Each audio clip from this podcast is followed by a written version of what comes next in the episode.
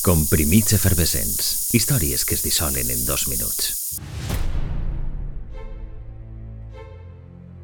Winston Churchill va qualificar la situació com la major derrota militar en segles.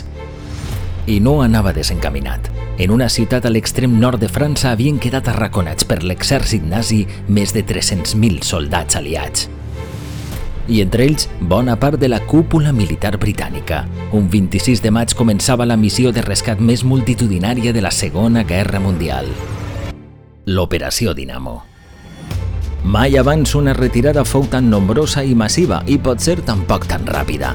Tropes britàniques, canadenques i franceses havien quedat aïllades i assetjades pels nazis al nord de França. La situació era asfixiant, calia una resposta ràpida i eficaç, i amb aquesta intenció fou dissenyada a correcuita la cèlebre Operació Dinamo. Els soldats aliats foren assistits per flotes de destructors i altres embarcacions majors. Alguns ho feren directament en el port, però molts altres hagueren d'enginyar-se-les per arribar a les grans naus amb barques i qualsevol objecte flotant que poguera servir-los de transbordament. En qüestió d'uns pocs dies, vora 200.000 soldats britànics i prop de 140.000 francesos foren evacuats a una velocitat prodigiosa. L'operació fou un èxit, tant que la premsa es va referir a ella com un desastre convertit en un triomf.